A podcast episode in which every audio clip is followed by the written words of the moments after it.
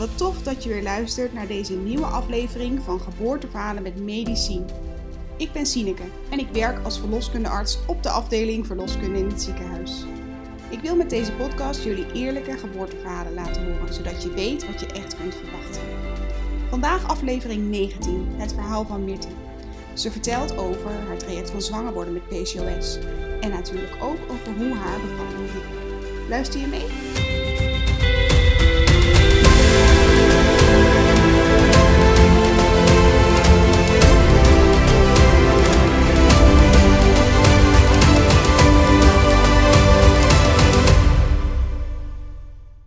Hey Meerte, wat fijn dat je je verhaal in mijn podcast wil vertellen. Hi Sineke. Hey, Meerte en ik eh, kennen elkaar al jaren. Mhm. En ehm, daarom ben ik een beetje extra blij dat ze vandaag haar verhaal wil vertellen. Wil je jezelf even kort voorstellen? Jazeker. Ja, ik ben eh Meerte. Eh, ik ben getrouwd, twee kinderen. Daar horen jullie straks meer over.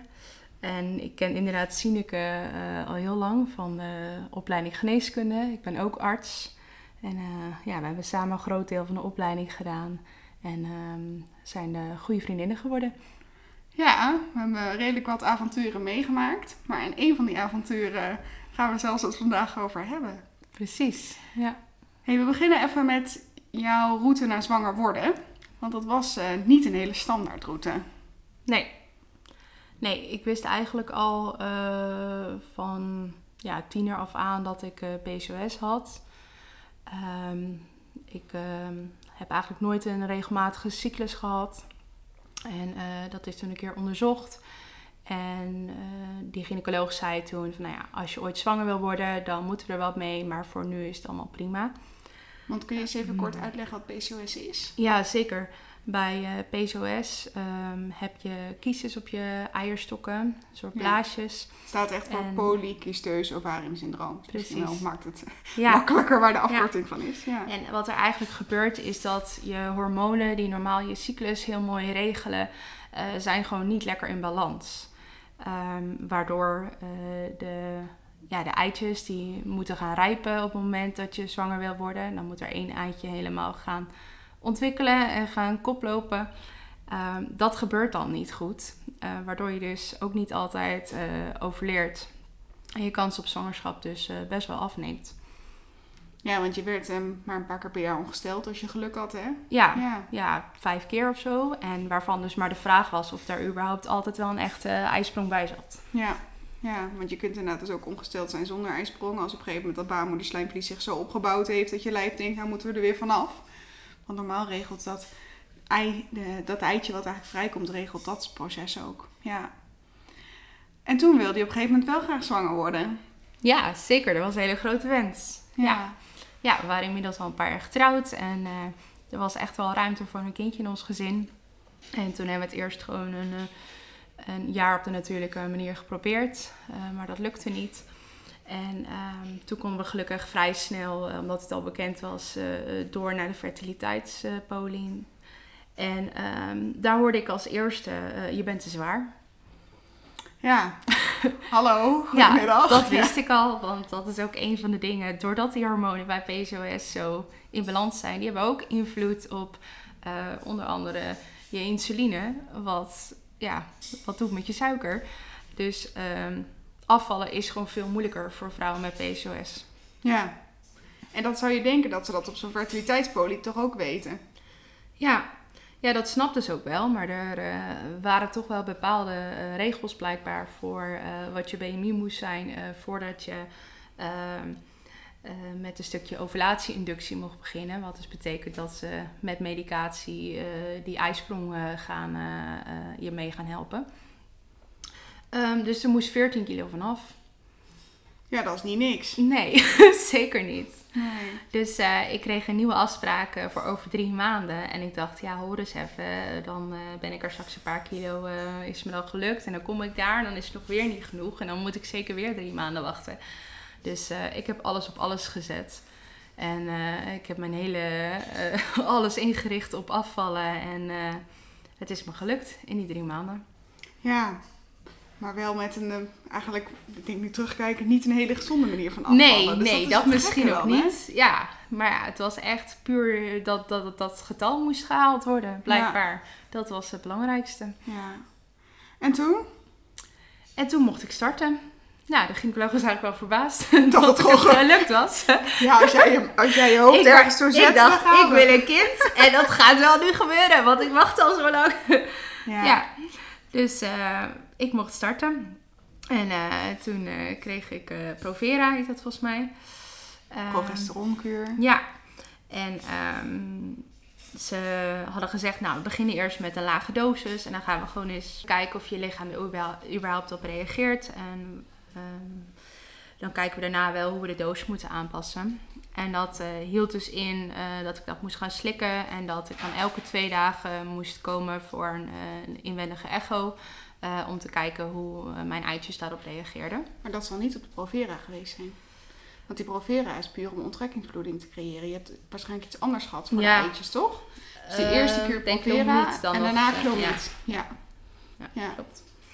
Ja, op dat moment, dat, toen kreeg ik dus die echo's.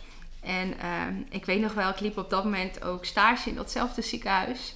Dus ik was dan aan het werk op de poli. Ik moest dan heel snel wisselen van, van ja, arts naar patiënt en dan weer terug. En dat elke twee dagen, dat was best wel een intensief traject, vond ik.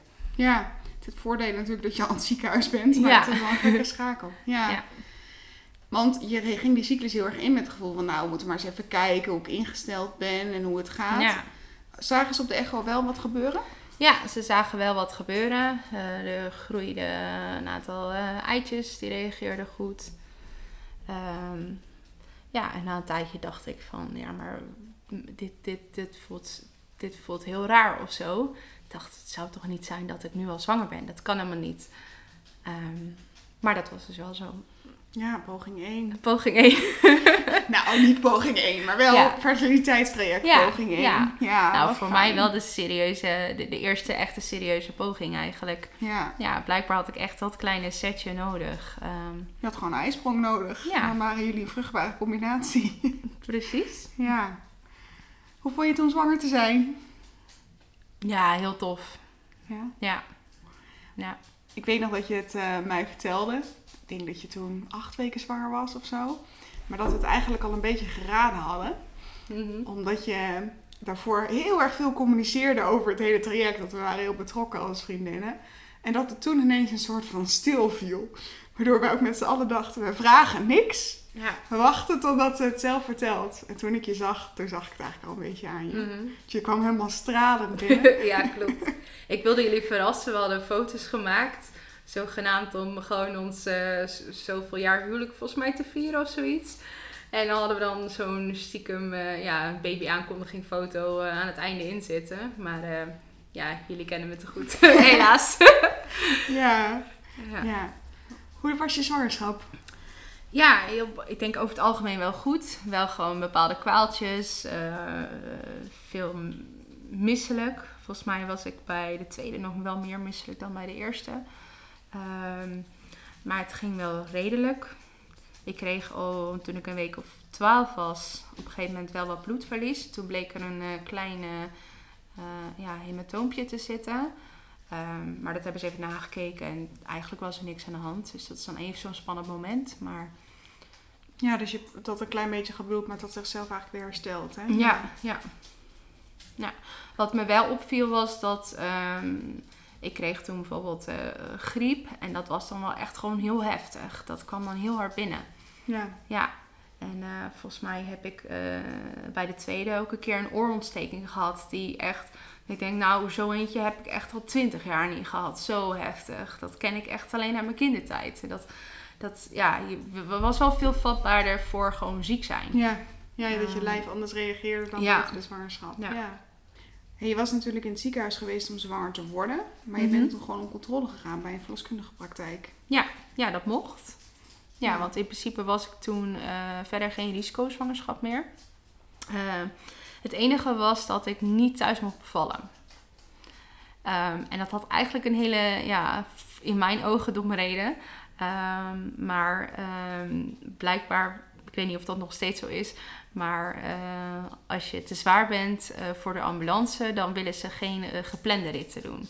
Dus ik moest polyklinisch bevallen ehm, in het ziekenhuis, zodat niet het risico zou ontstaan dat ik alsnog met de ambulance naar het ziekenhuis zou moeten. Ja, volgens mij verschilt een beetje per regio wat daar de afkapgrens voor is. Dat ja. best wel een beetje verschilt. Soms wordt er een BMI aangehangen, soms een absoluut gewicht. Dat, dat wisselt wel een beetje. Hoe vond je het om dat te horen te krijgen? Want had je anders wel thuis zullen bevallen? Ehm, ja, dat, dat wilde ik denk ik wel. Maar achteraf denk ik dat het zo helemaal prima was. Hmm. Ja. Ja, dus achteraf gelukkig niet erg, maar van tevoren niet een gevoel van keus. Nee. Ja. En heb je eigenlijk, dat weet ik helemaal niet goed, iets van een zwangerschapscursus gedaan? Of een... Nee, helemaal niet. Nee, maar ik was, de, ja, ik was daar denk ik ook veel te nuchter voor. Of misschien ook een beetje zo van, ja, ik weet het allemaal wel. Ja, niet alleen nuchter, maar je had natuurlijk zelf ook je wel heel goed ingelezen. Ja, nou ja. Ehm, en ik deed natuurlijk een, een, een, medische opleiding. Dus ik wist ook wel waar ik mijn informatie vandaan kon halen. Ja. Um, dus ja, maar jouw man is niet medisch geschoold. Heb je wel eens overwogen om, om die reden wat te doen? Ik weet nog wel dat we een keer naar een zo'n informatieavond zijn geweest. Hmm. Ehm, maar dat ik er toen echt zo bij zat van, ja, dit weet ik al, dit weet ik al. en eh, dat mijn man ook dacht van, ja, dit heeft Meert hem al lang verteld. Of kan ik aan haar vragen? Dus dat was voor ons ook wel een beetje oké. Dus we gaan, ja, zo genoeg zo. dit, dit past, ja ik vind het heel goed dat het er is, maar ik denk niet dat dat bij ons past, een ja. Eh, zwangerschapscursus. Hoe heb je je verder voorbereid op de bevalling? Ehm, eigenlijk niet zo heel veel. Ik heb wel een, uh, bevalplan geschreven, um, maar dat was vrij kort en bondig. Wat stond erin? Um, ja, uh, onder andere wie er bij de bevalling aanwezig was. Ja, dat herinner ik me nog. Maar ja. ik herinner me helemaal niet verder een bevalplan. Ja. Dus dat is grappig. nou ja, wat ik er vooral heel erg in heb gezet van oké, ik wil gewoon dat uh, alles met mij overlegd wordt. Mm met mij en mijn man.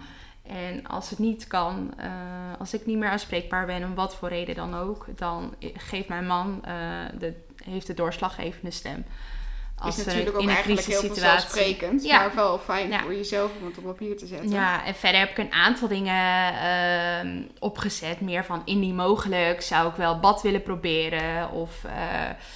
Maar, maar niks heel vast. Hmm. Nee, eigenlijk heb ik zoveel mogelijk juist geprobeerd om het uh, ook over me heen te laten komen. Ja. ja. Heb je nagedacht over pijnstilling?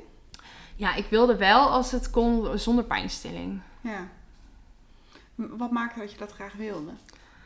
Um, omdat ik wel geloofde in een soort van de oerkracht van de vrouw. En uh, ja, dat, ik denk dat er al genoeg stofjes vrijkomen in mijn lichaam mhm. om, om dat op dat moment aan te kunnen. Ehm, en ik wilde dat niet al bij voorbaat uh, platleggen, zeg maar. Kijk, als het echt nodig is, is het gewoon nodig. Als je bevalling niet vordert, dan moet je soms. Maar ehm, ja, ik wilde het wel graag proberen of het zonder kon. Ja. Hoe begon je bevalling uiteindelijk? Um, ja, het begon met wat gerommel de avond van tevoren. Ehm, we zaten ja, toen ook echt één dag voor de uitgerekende datum. Uh, dus hij is echt precies op tijd geboren. en um, ja, ik, ik was in het begin nog wel heel erg aan het twijfelen van... oké, zijn dit nou echt weeën en, en, en uh, is dit het nou of niet? Um, en het heeft gewoon een tijdje gerommeld. Ik weet wel, ja, ik wilde heel graag dat jij erbij was. Mhm. Ehm, dus ik heb jullie toen al wel uh, gebeld en gezegd, nou, uh, kom maar vast deze kant op, want uh, ik heb gewoon geen idee hoe snel dit gaat. En, ehm, ja, wij moesten wel een stukje rijden. Ja, precies. We toen best wel wat uit elkaar. Dus ja. toen ben ik samen met je moeder naar jullie toegekomen. ja. ja, hadden een soort nog logeerpartijtje. ja, want we waren er denk ik s'avonds om 11 uur of zo. Ja. Vanaf hoe laat was het dan aan het rommelen? Ja, volgens mij zat, zat ik um, om, om vijf uur zaten we nog met z'n allen.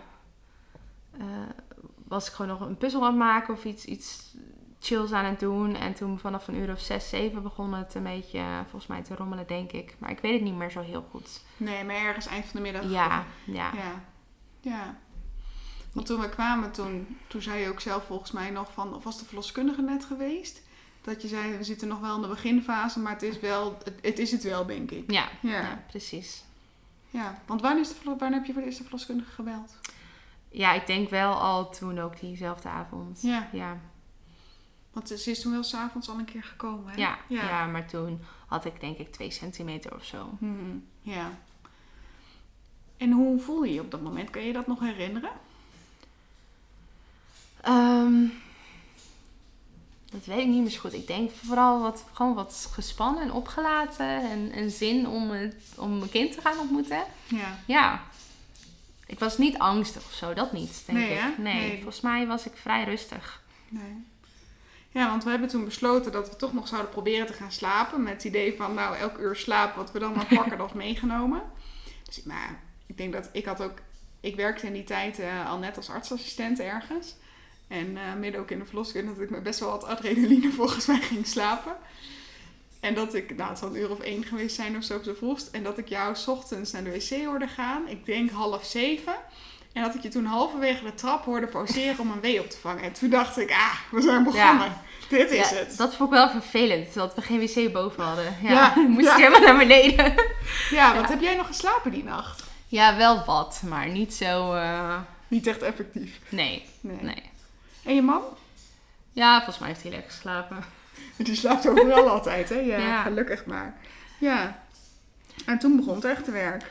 Ja, toen, mocht, toen eh, zijn we naar het ziekenhuis gegaan, want ik dus polyklinisch, eh, maar dus met de verloskundige. Dus eigenlijk checkten we daarin als, alsof het een soort hotel was. En ehm, we waren daar rond 9 uur s ochtends. En toen had ik 4 centimeter. En eh, toen eh, is ook besloten om mijn vliezen te breken, want die waren nog niet eh, spontaan gebroken. En toen veranderde ook wel wat. Toen dacht ik, oh ja, kijk, hé, hey, wacht eens even, dit zet meer zoden aan de dijk. Eh, toen begon het een stuk heftiger te worden. Ja. Ja. Heb je voor je gevoel heel bewust die beslissing gemaakt? Of was dat vooral een voorstel van de verloskundige en dacht je, nou laten we dit maar doen, want ik ben altijd bezig? Ehm, ik kan me niet meer herinneren dat ik daar echt specifiek om gevraagd heb of zo. Nee. Nee. Het kwam meer gewoon zo bij elkaar. Ja. Ja. Want ik herinner me wel dat daar een hele mooie bevalkamer met een eh, bad ook erin. Ja. Dus je bent volgens mij best snel in bad gegaan. Ja, zeker. Ja, ja. Ik heb daar volgens mij echt wel anderhalf uur in gezeten of zo. En ik vond het ook heel fijn om daar weeën op te vangen. Ehm, maar toen moest ik er op een gegeven moment uit. En moest je weer En- plassen volgens mij. Ik moest plassen en ehm, toen bleek dat het kindje zeg maar ehm, met achterhoofdsligging lag. En dat hij nog een beetje moest draaien. Sterrenkijker. Ja, Ja. En eh, dat moest ik blijkbaar op bed doen. Dat was beter dan in bad. En soms kan het helpen om op je zij te gaan liggen. Ja, Dat doet niet altijd wonderen, maar dat was wel volgens mij het idee toen. Ja. Dat we dat zouden proberen. en die twee uurtjes, weet ik nog wel, dat vond ik de, het pittigste stuk van een bevalling. ja. Dat, eh, dat, dat was wel echt pijnlijk. En ehm, ja, maar ik weet nog wel, ik ben volgens mij toen gewoon helemaal in mezelf gekeerd. En heb dat als, eh, ja, gewoon, ja, trans is misschien een Mhm. overdreven woord. Maar wel, ja, echt In je bubbel. in mijn eigen bubbel Ja. heel erg opgevangen. En ja, ik vond het eigenlijk ook wel fijn dat dat zo kon. Ja. Ja. En hoe vond je het persen? Ja, dat ging eigenlijk vanzelf. Ja, op een gegeven moment moest dat gewoon. Ja. En dat, dat, dat lukte, ja. Ja, ik herinner me vooral nog, want ik had natuurlijk heel veel bevallingen ja, al in mijn werk gezien. Dat eh, je was een hele snelle. Ja, eh, de eerste was 25 minuten. ja. Ja, toen Van was de er eerste keer duurt het gemiddeld rustig een uur anderhalf. Ja, ja. ja, ja. ik, ik, ik had de laatste tijd wel wat mensen, en dat is wel grappig. eh, de meeste mensen vinden het dus prettig om te persen. En jij vond dat volgens mij ook. Dat je lijf het gewoon overnam, dat je voelt dat dit klopt, dit moet. Maar er is ook een groep van mensen die vindt het niet fijn. Die vindt het naar. Mijn moeder bijvoorbeeld, die in de laatste aflevering van het vorige seizoen was. Ik probeer soms nog steeds te zoeken of er een reden is. Of ik het verschil kan vinden waarom sommige mensen het fijn vinden en anderen Mhm. niet. Maar het is toch lastig te zeggen. Ja. ja, ik denk dat je er aan moet durven over te geven of zo. Ja. Ehm, ja, sommige vrouwen zijn ook echt bang dat ze gaan poepen of zo eh, bij je persen. Want dat heeft een beetje hetzelfde gevoel. Maar ja, als je dat uit kan schakelen, denk Mhm. ik, en je geeft je gewoon een over, dan, dan, dan zit je in dezelfde. Hetzelfde flow. Ja. Ja, en toen kwam dat punt dat die baby er bijna was. En jullie wisten niet wat het werd. Nee, nee.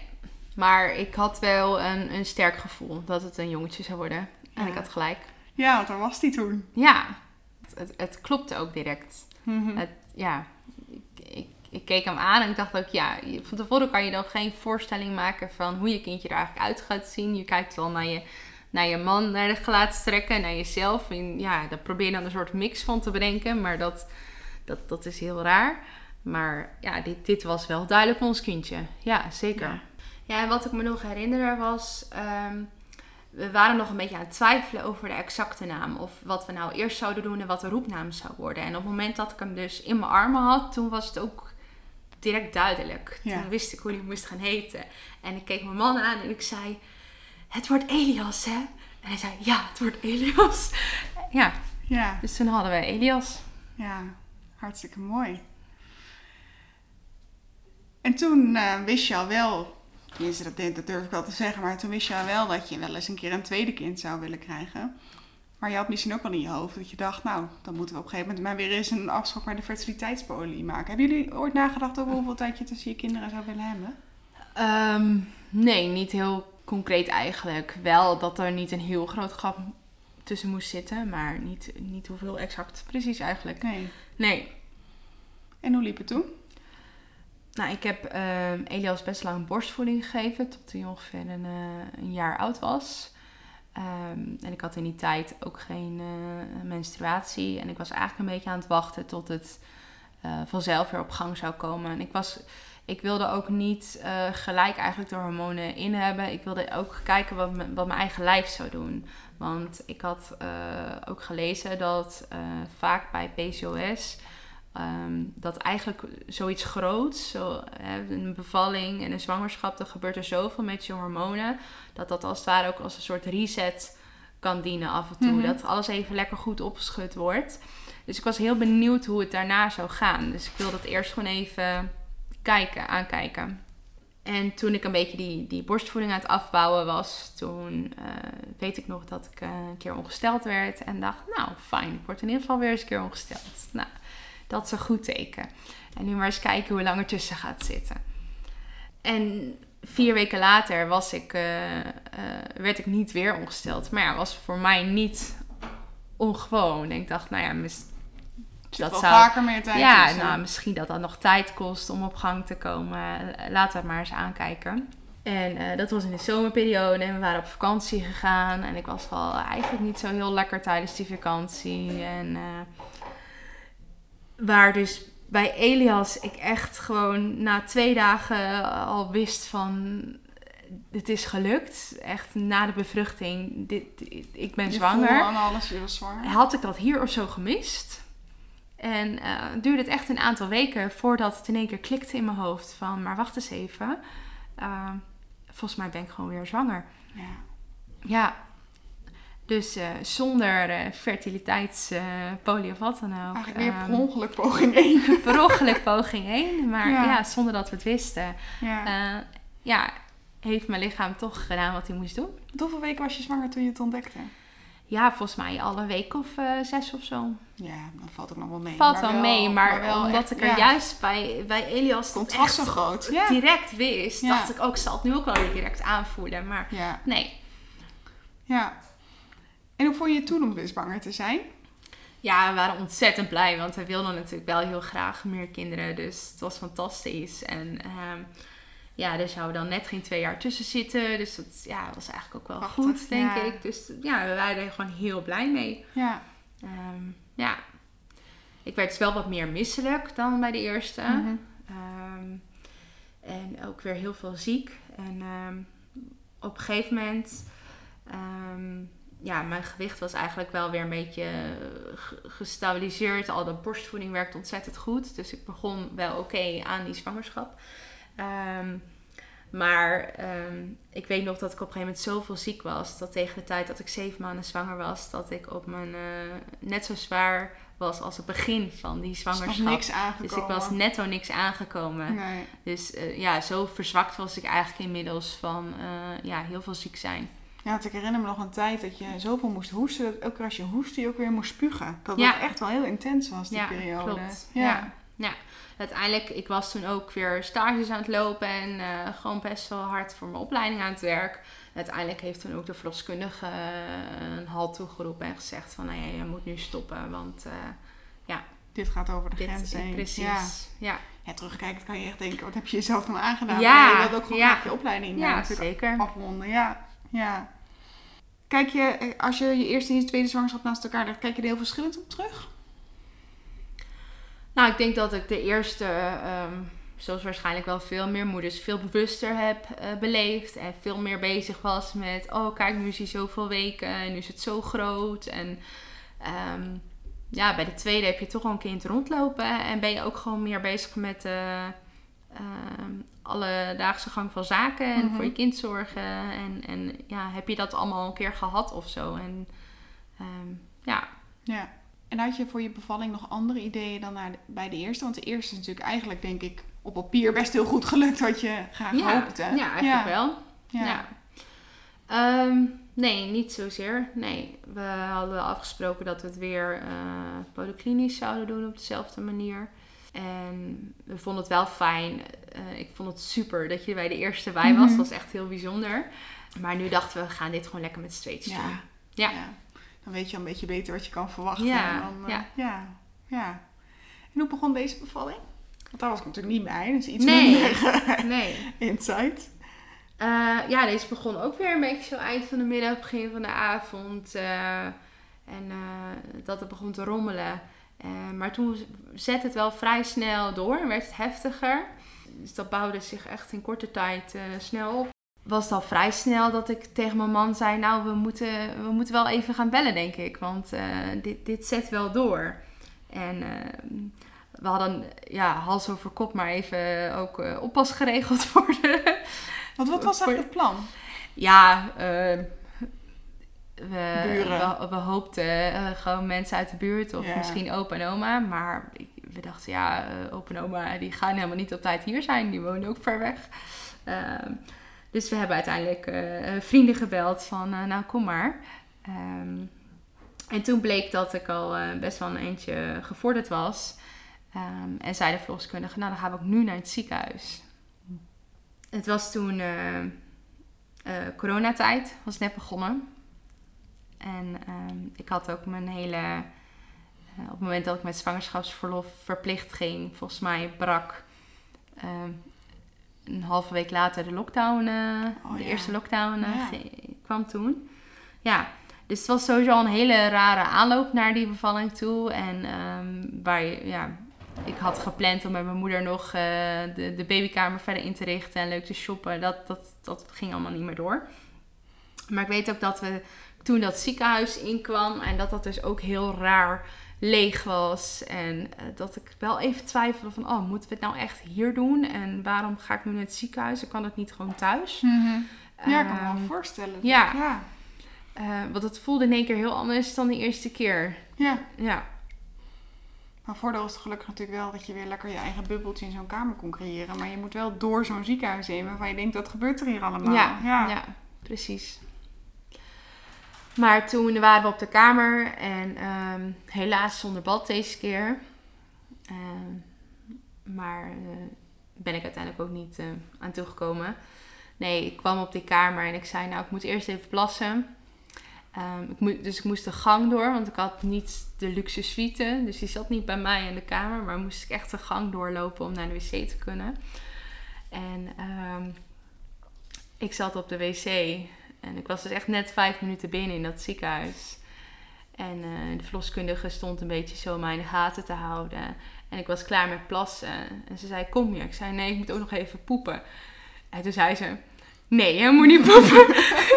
Dit kon niet. En ze zei- en Had je al gebroken vliezen? Ehm, ik weet het eigenlijk niet. Nee. Weet ik niet. Ik kan wel. Maar in ieder geval, ik weet nog dat die verloskundige de gang in, in, in dook. En zo schreeuwde van, kom in een rolstoel, nu, weet je. En ze trok mij van die wc af. Ze zegt, we gaan nu terug naar de kamer, want het kind komt. En ehm, er hing dus inderdaad echt al bijna een hoofdje tussen mijn benen op, op de wc. Hij dacht, die zwaartekracht. Ja. Dat gaat lekker. Ja, dus eh, ik moest dus op die manier, ja, je kon eigenlijk niet meer op die rolstoel zitten. Dat was ook heel raar of zo. Dus echt op het puntje daar, maar ook half, weet het niet meer hoe ik daar gekomen ben. Maar ik moest weer terug die hele gang door naar mijn kamer. Dus ik heb daar een paar weeën opgevangen, maar dat waren eigenlijk al persweeën. Ja. Dus ik weet ook niet meer zo goed in hoeverre ik die nou heb tegengehouden. Of, wat er toen precies... maar in ieder geval, ik ging op bed liggen en het kind was er. Ja. Dus ik heb echt, ja, in het rapport Ja. staat vijf minuten, maar ik Ja. denk dat dat, Dus eh, eh, had ook nog een sneller gekund. Ja. ja. ja, Ja, wat een eh, stortbevalling. Want hoe lang zit het nou tussen het begin van de weeën en dat eh, je kindje er was? ja, volgens mij echt eh, nog geen drie uur. Nee, ja, echt heel snel. Ja, en ook, volgens mij was het kind er, ik weet nog dat mijn man een parkeerticket erbij pakte, om te kijken hoe laat we eigenlijk geparkeerd hadden. En dat hij zei, ja, dat was 25 minuten geleden. ja, dus het was ook echt, eh, nou ja, kon douchen, kon weer gaan. Ja, joh. Dus die, die oppas was ook echt stom verbaasd. Toen we waren echt terug eh, in drie uur later weer thuis. Ja. ja. Ja. En nu wist je weer volgens mij niet wat het werd, of wel? nee. Ik had, voor weer, mijn gevoel wist je twee keer, omdat je het beide keren zo goed geraden had. ik had weer een heel sterk gevoel dat het, eh, en dit keer dat een meisje zou worden. En ik had Ja. weer gelijk. Ja. ja, dat moest ook wel, want we hadden niet eens een jongensnaam bedacht. dus Was het eigenlijk dezelfde meisjesnaam als die je had bij je eerste zwangerschap? nee. Nee. Helemaal gevoel, ander kindje, andere naam. Ja. Ja. Ja. En toen was ze er. Toen had je Ja. twee kinderen. Hoe waren je kraamperiodes eigenlijk? Ehm, ja, wel heel fijn. Ik vond het in het begin wel even spannend, want er komt er toch een vreemd iemand in je huis. En eh, ja, die doet ook de was op een andere manier dan je eigenlijk liever wilt. Maar eh, ja, uiteindelijk was dat wel heel prettig. Zeker de eerste keer, want dan ben je toch nog wat onzeker over... ehm, tenminste was ik over bepaalde dingen. En eh, nou, de temperatuur is dan wel heel spannend. Want dan had hij een keer... eh, 36 en eh, ja. Ehm, dus dan is het gewoon fijn als iemand met veel ervaring Ja. ja, je daar doorheen helpt. En het Ja. was ook wel gewoon gezellig. Dus ik had ook wel zeker ehm, bij de tweede. ehm, want ja, we zaten dus echt in coronatijd. Dus het was ook een hele gekke kraamweek. Er mocht niemand op visite komen. Er mocht alleen, ja, we konden ons kind via het raam showen. Maar de meeste familie woonde heel ver weg. Dus kwamen dus ook gewoon helemaal Nee, niet dan ga je gewoon lekker eigenlijk. video bellen. Ja. Dus het was heel fijn dat die eh kraamverzorgster wel gewoon in ons huis mocht komen. En dat ik dus ja, daar eigenlijk wel een soort bijna een vriendin aan had. Echt wel iemand met wie ik wel contact Ja, kon mooi. hebben. Dat eh, ja, vond ik wel erg prettig. ja. Want wanneer heb je voor het eerst iemand op bezoek gehad toen? Ehm, dat weet ik niet zo goed meer. Nee, echt Ja. later dus. Oh ja. Dat heeft echt wel een tijdje geduurd. Ja. Stel je zou zwanger worden van een derde, zou je dingen anders doen dan bij de eerste twee? Nou, ik denk dat ik in ieder geval niet meer naar het ziekenhuis ga, want dat haal ik niet. dat, eh, dat mag ook niet meer van mijn verloskundige. Nee. Ehm, ja, echt anders doen. Weet ik niet zo goed. Nee, misschien dat ik er. Aan de ene kant zou ik zeggen dat ik er nog wat meer zelf bovenop zou zitten. Qua hè, bijvoorbeeld eh, wel of niet eh vliezen laten breken. Dat je daar Mhm. nog wat meer invloed in probeert te hebben. Maar aan de andere kant was het ook gewoon goed. Dus ik denk dat ik ook kan- me kan voorstellen dat ik juist nog meer vertrouwen in heb dat het. eh, Dat je het gewoon kan Ehm, over... ja. Je letterlijk kan overgeven aan de situatie. ja, Misschien maar ja, ik iemand, denk dat, ja. eh, dat er geen eens medisch personeel aan eh, te pas komt. Dat die baby komt gewoon dan. Ja, Ja. ja. Wat voor tips zou je meegeven aan mensen die nu in verwachting zijn? Ik denk vooral probeer even stil te staan van wat je je graag wil herinneren en wat je belangrijk vindt. Ik heb achteraf bijvoorbeeld wel een beetje spijt dat ik. ehm, ik, ik was niet zo'n zo'n boekjes, invulboekjes mama die eh, mijn eerste dit en de eerste dat. En eh, dat, dat, dat vond ik allemaal onzin of zo op de een of andere manier. En nu denk ik wel eens van, oh, maar hoe zat het ook alweer? En ik heb het gewoon niet helemaal eh, goed genoteerd. Voor je gevoel Eh, onthoud je het misschien wel. Maar dan ja, het maar toch, zeker als je dan een tweede hebt, want dan gaan die verhalen ook een beetje soms door elkaar lopen. En eh, ja, dus misschien had ik nog wel beter willen nadenken van, nou ja, oké, als ik het dan niet in zo'n boekje wil opschrijven, misschien willen mijn kinderen het wel lezen, dus moet ik toch iets bijhouden. Ja, ja, nou, dat is wel een leuke tip. ja. Ja, dat je gewoon heel bewust dingen vastlegt, op wat voor manier dan ook. Maar Ja, dat ja. Ja. Nou ja, mijn, mijn, ik, mijn kinderen zijn nu natuurlijk nog klein, maar ze ruzien al, nou ja, ruzien, om, om het wc-verhaal. Want dan denkt de oudste dat het over hem ging. En dan moet ik zeggen, nee, dat, dat was je zusje. Hè? Ja. En eh, bij jou heb ik lekker in bad gelegen, weet je. Oh ja. ja, dat ze toch wel benieuwd zijn in hoe, ze, hoe zij op de aarde zijn gekomen. Ja. Ja. Ja, Ja, mooie tip. En ehm, wat voor tip zou je geven aan vrouwen met PCOS die misschien zwanger willen worden of die nadenken over een kinderwens in de toekomst? Ik denk dat het allerbelangrijkste is dat je er niet over gaat stressen. Stress is echt een factor die ook gewoon invloed heeft op je hormonen. En ja, dat is heel moeilijk, eh, want het is een beetje, hè, denk niet aan de roze olifant. Ja. Maar ehm, op het moment dat jij je heel erg zorgen gaat maken over, oh, ga ik wel zwanger kunnen worden en hoe moet dat allemaal? Eh, dat doet ook wat met je lijf. Mhm. En eh, PCOS is iets wat heel veel voorkomt. Bijna 10% van de vrouwen heeft het in meer of mindere mate. En het hoeft gewoon niet altijd te betekenen dat je geen kinderen kunt krijgen. Heel veel vrouwen lukt het gewoon uiteindelijk wel, soms met een beetje hulp. En eh, zeker tweede of derde kinderen ja, lukken dan gewoon wel. Dus geef het niet gelijk op. Maar ehm, ja, probeer een beetje vertrouwen te houden. Mhm. En eh, leer, leer je lijf kennen. Ja. Volgens mij is het letterlijk zo dat ze onderzoek gedaan hebben dat vrouwen met PCOS ehm, net zo'n grote kans hebben op zwanger worden als vrouwen zonder PCOS, maar vaker fertiliteitsbehandelingen nodig hebben. Dat dat het verschil eigenlijk is. Ja. Ja, mooi. Met vertrouwen. Ja, uitkijken. precies. Ja. Nou, dankjewel. Dankjewel voor je verhaal. Gedaan. Dankjewel voor het luisteren naar het geboorteverhaal van Meerte. Wil je meer van dit soort verhalen horen? Klik dan op volg in je podcast-app en over twee weken staat er weer een nieuwe aflevering voor je klaar. Je kan me ook volgen op Instagram, @medicine. En wil je meer weten over mijn cursussen? Ga dan naar www.medicine.nl slash beter in verwachting. Tot snel!